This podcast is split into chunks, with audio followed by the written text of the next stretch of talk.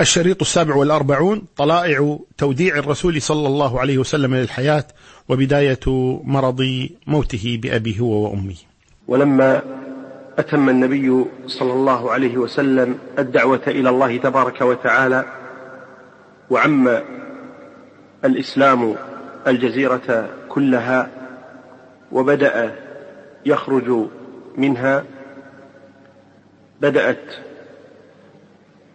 طلائع توديع الحياة للنبي صلى الله عليه وآله وسلم. وذلك في أمور من أبرزها أنه صلوات الله وسلامه عليه اعتكف في رمضان من السنة العاشرة عشرين يوما بينما كان لا يعتكف إلا عشرة أيام. وكذلك تدارسه جبريل القرآن مرتين وكان يتدارسه معه مرة واحدة في كل عام. وقال في حجة الوداع لا أدري لعلي لا ألقاكم بعد عامي هذا.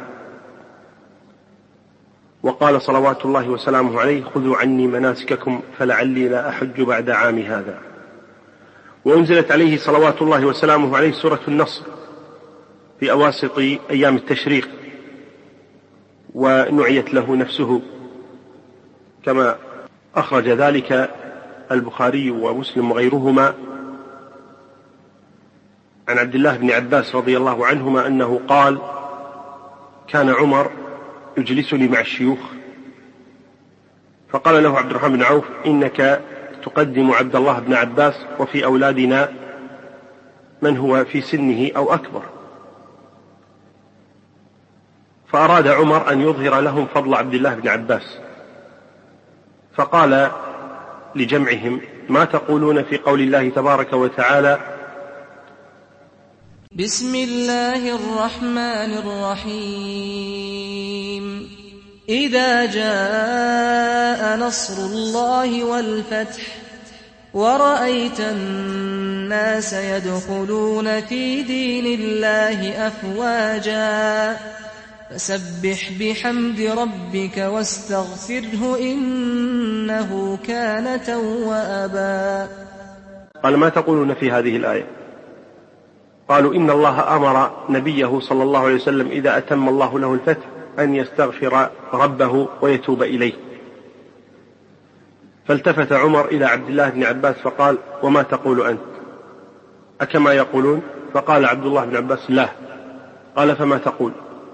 قال هذه نفس النبي صلى الله عليه وسلم نعيت له. فقال عمر والله لا أعلم منها إلا ما قال عبد الله بن عباس. الشاهد أن النبي صلى الله عليه وآله وسلم بين لهم بهذه الصورة أنه اقترب وقت وفاته وسيأتي تقرير ذلك إن شاء الله كذلك في أحاديث أخرى.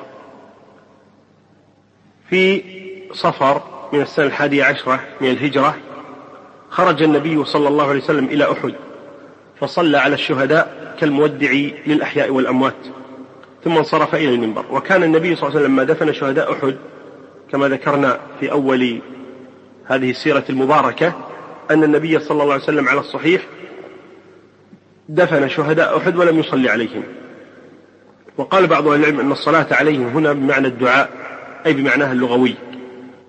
بعد أن صلى النبي صلى الله عليه وسلم على الشهداء انصرف إلى الأحياء وصعد المنبر فقال إني فرطكم وإني شهيد عليكم وإني والله لأنظر إلى حوض الآن وإني أعطيت مفاتيح خزائن الأرض أو مفاتيح الأرض وإني والله ما أخاف أن تشركوا بعدي ولكني أخاف عليكم أن تنافسوا فيها أي في الدنيا. وخرج في ليلة ما في منتصفها إلى البقيع وهي مقبرة المدينة. فاستغفر لأهل البقيع وقال السلام عليكم يا أهل المقابر ليهن لكم ما أصبحتم فيه بما أصبح الناس فيه. أقبلت الفتن كقطع الليل المظلم يتبع آخرها أولها الآخرة شر من الأولى. ثم بشرهم قائلا إنا بكم لاحقون. وفي آخر هذا الشهر شهر صفر من السنة الحادية عشرة من الهجرة في يوم الاثنين شهد رسول الله صلى الله عليه وسلم جنازة في البقيع. فلما رجع أخذه صداع في رأسه واتقدت الحرارة اشتدت حتى إنهم كانوا يجدون يعني شدة الحرارة من فوق العصابة أي ما لف به النبي صلى الله عليه وسلم رأسه. واشتد به المرض وكان المرض إذا أصابه يشتد به صلوات الله وسلامه عليه. أخرج الإمام أحمد عن عبد الله بن مسعود قال دخلت على النبي صلى الله عليه وسلم وهو يوعك فمسسته فقلت يا رسول الله إنك لتوعك وعكا شديدا. قال أجل إني أوعك كما يوعك رجلان منكم. قلت أذلك لأن لك الأجر مرتين؟ قال نعم. والذي نفسي بيده. ما على الأرض مسلم يصيبه أذى من مرض فما سواه إلا حط الله عنه خطاياه. كما تحط الشجرة ورقها. وأخرجه كذلك البخاري ومسلم. وقال رسول الله صلى الله عليه وسلم كذلك أشد الناس بلاء الأنبياء ثم الصالحون ثم الأمثل فالأمثل. يبتلى الرجل على حسب دينه فإن كان في دينه صلابة شدد عليه في البلاء. وأخرج الإمام أحمد عن أسامة بن زيد أنه قال لما ثقل رسول الله صلى الله عليه وسلم هبطت وهبط الناس معي وذلك أنهم كانوا قد خرجوا ليغزوا الروم وكان قد جهزهم النبي صلى الله عليه وسلم ولما سمعوا بمرض النبي استثاقلوا عن الخروج ليطمئنوا على حاله صلوات الله وسلامه عليه. يقول أسامة لما ثقل رسول الله صلى الله عليه وسلم هبطت وهبط الناس معي إلى المدينة فدخلت على رسول الله صلوات الله وسلامه عليه وقد أصمت فلا يتكلم يعني عجز عن الكلام صلوات الله وسلامه عليه. قال أسامة فجعل يرفع يديه إلى السماء ثم يصوبها على وجهه. يقول أسامة أعرف أنه يدعو لي يدعو لأسامة رضي الله تبارك وتعالى عنه وأرضاه. اشتد المرض برسول الله صلى الله عليه وسلم وذلك أن الله إذا أحب عبدا ابتلاه وأحب الناس إلى الله الأنبياء. فلذلك يشدد عليهم سبحانه وتعالى بالبلاء ليرفع جل وعلا من درجاتهم. وأما غير الأنبياء فإنه كذلك يشدد في البلاء على الصالحين ليكفر عن سيئاتهم ولترفع كذلك درجاتهم. والمسلم لا يتمنى البلاء ولا يتمنى أن يفتن لعله ألا يصبر ولكنه يسأل الله تبارك وتعالى لو ابتلاه أن يعينه على الصبر. أما أنه يتمنى البلاء فلا. وإذا قال النبي صلى الله عليه وسلم لا تتمنوا لقاء العدو وإذا لقيتموهم فاصبروا. عن عبد الله بن عباس قال إن علي بن أبي طالب خرج من عند رسول الله صلى الله عليه وسلم في وجعه الذي توفي فيه. فقال الناس يا أبا حسن كيف أصبح رسول الله صلى الله عليه وسلم؟ قال أصبح بحمد الله بارئا فقام العباس بن عبد المطلب فأخذ بيده أي بيد علي فقال إني أرى رسول الله صلى الله عليه وسلم سيتوفى في وجعه هذا وإني لأعرف وجوه بني عبد المطلب عند الموت. هذه فراسة. نظر إلى وجه النبي صلى الله عليه وسلم في مرضه الذي هو فيه فتوقع أن النبي صلى الله عليه وسلم سيموت في ذلك المرض وكان كما توقع. وبدأ مرض النبي صلى الله عليه وسلم وهو عند زوجه ميمونة بنت الحارث رضي الله عنها. ولما ثقل جعل يسأل أين أنا غدا؟ أين أنا غدا؟ ففهمنا مراده فأذن له أن يكون حيث شاء فانتقل إلى عائشة. وذلك أنها كانت أحب الناس إلى رسول الله صلى الله عليه وسلم كما في حديث عمرو بن العاص قال سألت النبي صلى الله عليه وسلم من أحب الناس إليك؟ قال عائشة. فانتقل إلى بيت عائشة صلوات الله وسلامه عليه يمشي بين الفضل بن العباس وعلي بن أبي طالب عاصبا رأسه تخط قدماه يعني في الأرض ما يستطيع أن يمشي صلوات الله وسلامه عليه. حتى دخل بيتها فقضى عندها آخر أسبوع من حياته صلوات الله وسلامه عليه. تقول عائشة كنت أقرأ المعوذات على النبي صلى الله عليه وسلم وأنفث على نفسه وأمسح بيده على نفسه رجاء البركة أي بركة يده صلوات الله وسلامه عليه. وفي يوم الأربعاء قبل موته بخمسة أيام صلوات الله وسلامه عليه زادت عليه الحرارة واشتد به الوجع وغمي عليه صلوات الله وسلامه عليه. فقال هريقوا علي سبع قرب. هريقوا أي صبوا علي سبع قرب من آبار شتى. وهنا عدد السبع يعني سبع قرب هذا العدد له خصوصية.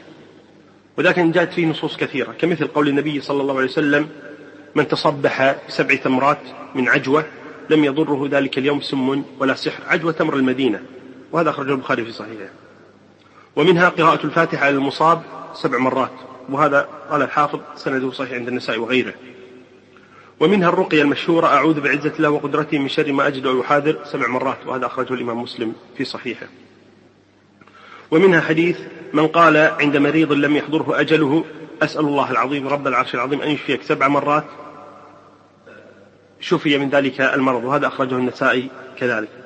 ثم أضف إلى ذلك آه، الطواف سبعا والسعي سبعا ورمي الجمار سبعا وغير ذلك كثير. الشاهد أن النبي صلى الله عليه وسلم قال هريقوا علي سبع قرب من آبار شتى حتى أخرج إلى الناس فأعهد إليهم. فأقعدوه في مخضب المخضب هو الطشت أو الطست الكبير. وصبوا عليه الماء حتى طفق يقول حسبكم حسبكم. يعني اكتفيت.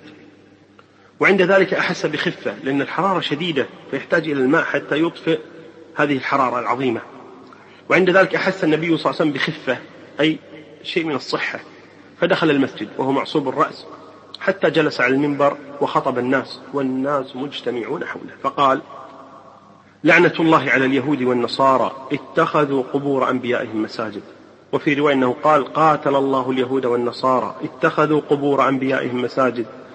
ألا لا تتخذوا قبري وثنا يعبد. حرص من النبي صلى الله عليه وسلم على تأسيس العقيدة. من أول الدعوة إلى آخر الدعوة وهو يركز على أمر العقيدة. ألا لا تتخذوا قبري وثنا يعبد. إن العبادة لا تتمثل فقط في السجود لغير الله تبارك وتعالى. العبادة حياة الذبح النذر الطواف السعي الدعاء الاستغاثة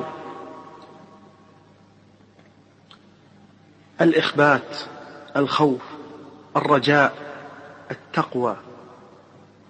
العبادة كثيرة التوكل.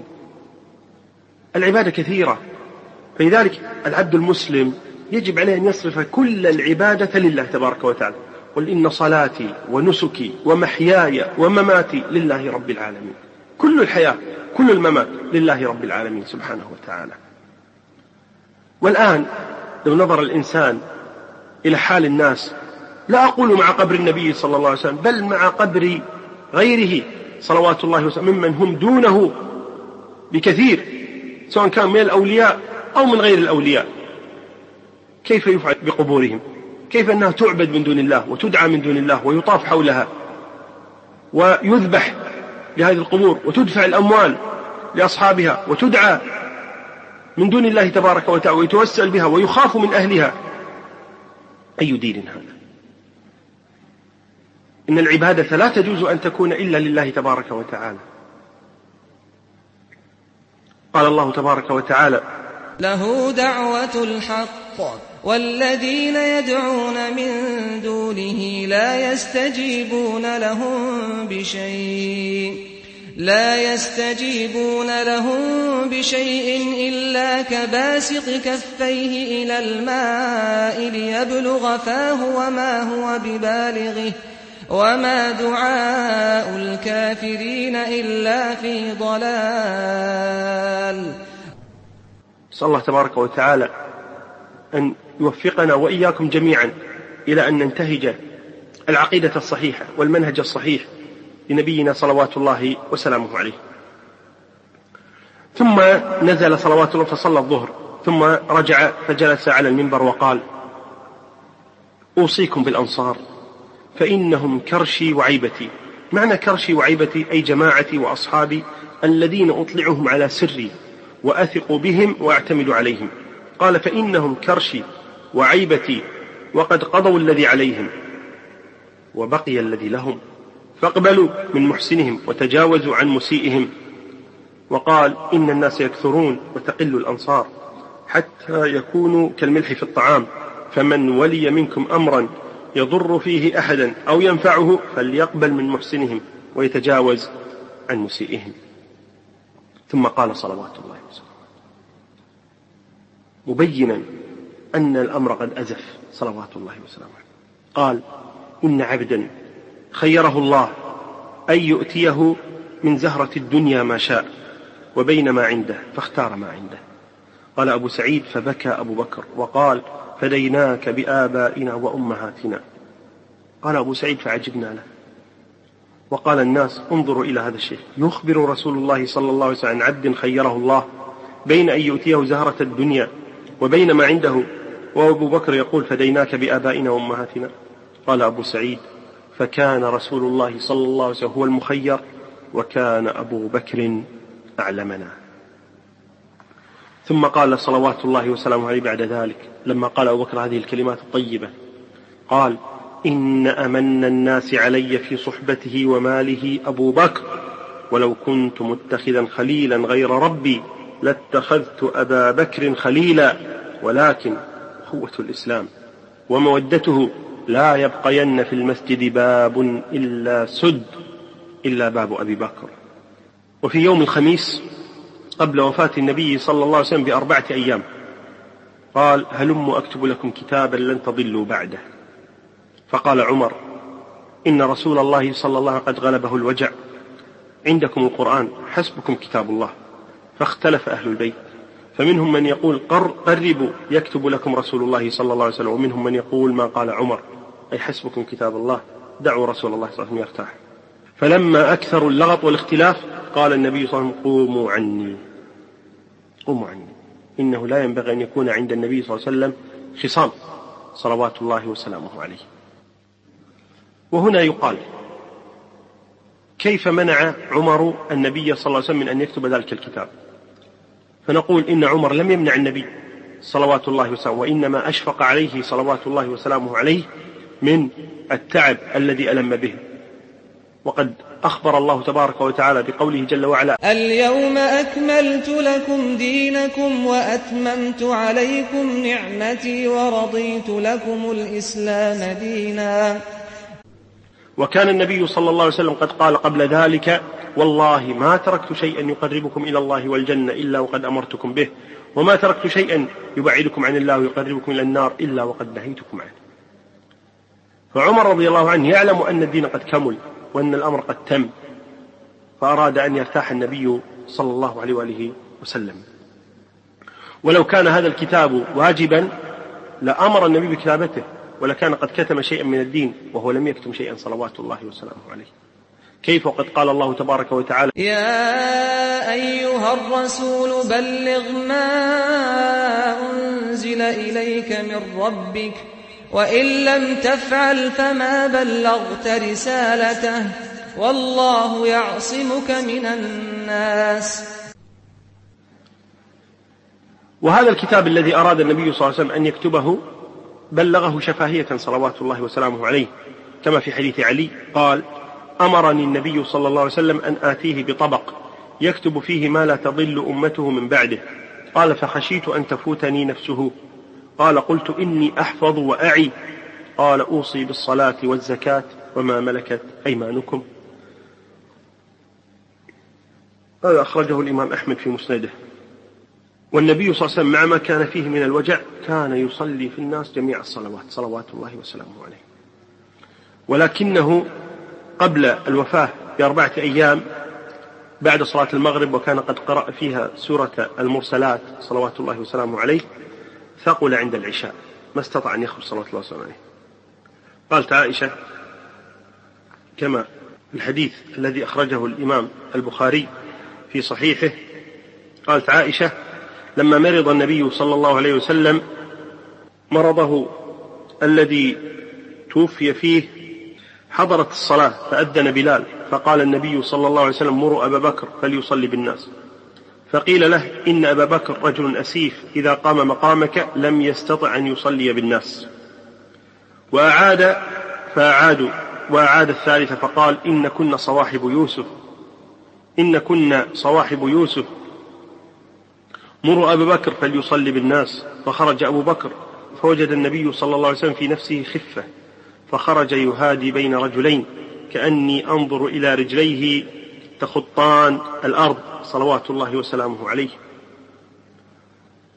من الوجع فأراد أبو بكر أن يتأخر فأومى إليه النبي صلى الله عليه وسلم مكانك ثم أتى وجلس إلى جنبه إلى الأعمش فكان النبي يصلي أبو بكر يصلي بصلاته والناس يصلون بصلاة أبي بكر فقال برأسه نعم. يعني كان النبي صلى الله عليه وسلم هو الإمام وأبو بكر صار مأموما بعد النبي صلى الله عليه وآله وسلم والناس يصلون بصلاة أبي بكر رضي الله تبارك وتعالى عنه وأرضاه. الشاهد أنه كذلك قبل وفاة النبي صلى الله عليه وسلم بيومين وقعت قريب من هذه الحادثة. عن عائشة قالت ثقل برسول الله صلى الله عليه وسلم وجعه فقال أصلى الناس؟ قلنا لا هم ينتظرونك يا رسول الله. فقال صبوا إلي ماء في المخضب. هو المخضب هو الطست. ففعلنا. قالت فاغتسل ثم ذهب لينوء فأغمي عليه. ثم أفاق فقال أصلى الناس؟ قلنا لا هم ينتظرونك يا رسول الله. قال ضعوا لي ماء في المخضب ففعلنا فاغتسل ثم ذهب لينوء فأغمي عليه. ثم فاق فقال أصلى الناس؟ قلنا لا هم ينتظرونك يا رسول الله. قال ضعوا لي ماء في المخضب. ففعلنا فاغتسل ثم ذهب لينوء فأغمي عليه. صلوات الله وسلامه عليه. شدة المرض مع شدة الحرص على أداء الصلاة في جماعة من النبي صلى الله عليه وسلم. فقال أصلى الناس قلنا لا هم ينتظرونك يا رسول الله. قالت والناس عكوف في المسجد ينتظرون رسول الله صلى الله عليه وسلم لصلاة العشاء. فأرسل رسول الله إلى أبي بكر أن يصلي بالناس وكان أبو بكر رجلا رقيقا. فقال يا عمر صلي بالناس. فقال عمر أنت أحق بذلك. فصلى بهم أبو بكر تلك الأيام. ثم إن رسول الله صلى الله عليه وسلم وجد خفة فخرج بين رجلين أحدهما العباس والثاني علي طبعا لصلاة الظهر فلما رآه أبو بكر ذهب ليتأخر فأومى إليه ألا يتأخر وأمرهما فأجلساه إلى جنبه فجعل أبو بكر يصلي قائما ورسول الله صلى الله عليه وسلم يصلي قاعدا. وفي مرضه صلوات الله وسلامه عليه أنفق ما بقي عنده من مال. صلى الله عليه وسلم كما روى ذلك المطلب بن عبد الله بن حنطب قال إن رسول الله صلى الله عليه وسلم قال لعائشة وهي مسندته وهي مسندته إلى صدرها يا عائشة ما فعلت تلك الذهب؟ يعني عنده شيء من الذهب. قالت هي عندي. قال فأنفقيها. ثم غشي عليه وهو على صدرها فلما فقال أنفق تلك الذهب يا عائشة؟ وهو على صدرها كيف تنفقها؟ قالت لا والله يا رسول الله. قالت فدعا بها فوضعها في كفي فعدها فإذا هي ستة دنانير يعني من الذهب. فقال ما ظن محمد بربه أن لو لقي الله وعنده هذه؟ فأنفقها كلها ومات في ذلك اليوم. صلوات الله وسلامه عليه. صلى الله عليه وسلم. وسيأتينا في ذكر تركته صلى الله عليه وسلم كم ترك. صلوات الله وسلامه عليه. ثم جاء آخر يوم من حياة النبي صلوات الله وسلامه عليه. عن أنس بن مالك رضي الله عنه قال إن المسلمين بين بينهم في صلاة الفجر يوم الاثنين. وأبو بكر يصلي بهم لم يفجأهم إلا رسول الله صلى الله عليه وسلم كشف ستر حجرة عائشة فنظر إليهم. وهم في صفوف الصلاة لأن حجرة ملاصقة في المسجد. ثم تبسم يضحك أي فرحا بهم صلوات الله وسلامه عليه. فنكص أبو بكر على عقبيه ليصل الصف أي ليرجع يتقدم النبي صلى الله عليه وسلم ويصلي بالناس. وظن أن رسول الله صلى الله عليه وسلم يريد أن يخرج إلى الصلاة. فقال أنس وهم المسلمون أن يفتتنوا في صلاتهم يعني يتركوا الصلاة ويقبلوا على النبي صلى الله عليه وسلم. فأشار إليهم بيده صلوات الله أن أتموا صلاتكم. ثم دخل الحجرة وأرخى السترة صلوات الله وسلامه أخرجه البخاري في صحيح. ثم لم يصلي بعدها.